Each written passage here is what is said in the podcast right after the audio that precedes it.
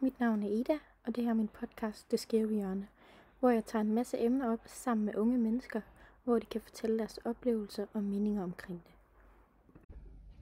Hej, og velkommen til dig, Signe. Vi sidder lige nu i et sommerhus på Romme med en varm kop kakao og skal til at snakke om, hvordan vi har haft det her i coronatiden. Ja, det bliver spændende. Ja. Og allerførst så vil jeg gerne lige starte med at spørge, hvordan du synes, det har været ung at være i coronatiden.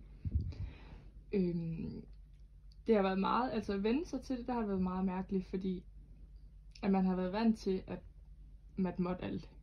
Og man Ja. sådan, at det bare, det hele var bare normalt, at man bare kunne gå til fest fredag og lørdag. Har det i hvert fald været mit synspunkt, at det har ikke været sjovt at blive 18, og så bare alt bare geslossen. Så det var ikke særlig fedt. Nej, det kan jeg også godt forstå. Sådan har jeg også haft det. Men hvordan har du så sådan kunne holde dit humør op, når alt har været lukket nede, og du ikke har kunne se nogen?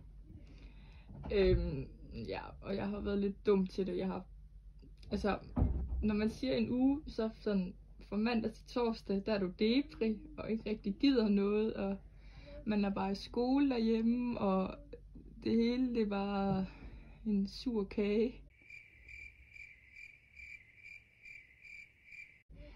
Og så, så kommer man til at sådan lige invitere nogen, måske sådan bare... Så du har ikke holdt det helt 100%? Nej, altså man kan godt lige komme til at vinde til to, og så ved man jo godt, at så går rygterne videre, og Ja. så bliver man op fem og sådan.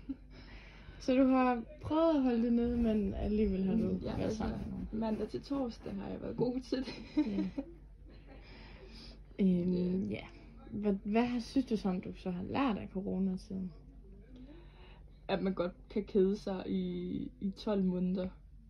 Og, og så alligevel, så har man ikke kedet sig. Nej. Når du kigger tilbage, så har du stadigvæk haft en sjov tid, men det har Ja, været træls i momentet. Ja, det vil jeg egentlig sige. Ja.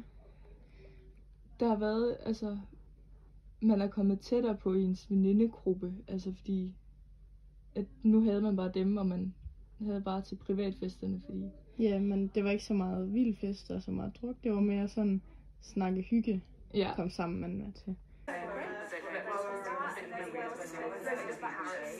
ja fordi at det gik jo ikke, at man, det ved man jo godt, at det går jo ikke, at det går så galt nogle gange.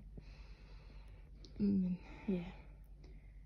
det har været irriterende, at man ikke kunne gå i fitness, eller gå til fodbold, eller sådan, have det der, Ja, du har manglet det aktive. ja, det der, Hvordan har du så prøvet at holde dig aktiv? så har man i ens venindegruppe aftalt, at nu tager vi os sammen. Altså nu gør vi noget. Mm, så man gør det, prøver at gøre det fælles. Ja, Og altså stadigvæk have, det motivere der, hinanden. stadigvæk have det der fællesskab, men stadigvæk hver for sig.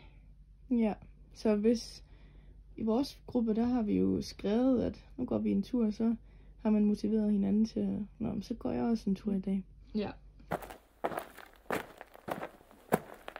Så vi har, sådan, vi har hjulpet hinanden på benene og ud, Ja. og så en, Ja. vi motiverede hinanden og prøvede at holde gejsten op. Ja. Ja, men det lyder da godt. Så vil jeg sige tak, fordi du ville være med i min podcast i dag. Det var Jeg siger- rigtig hyggeligt. Jeg siger selv tak. Tak, og vi ses. Ja. Our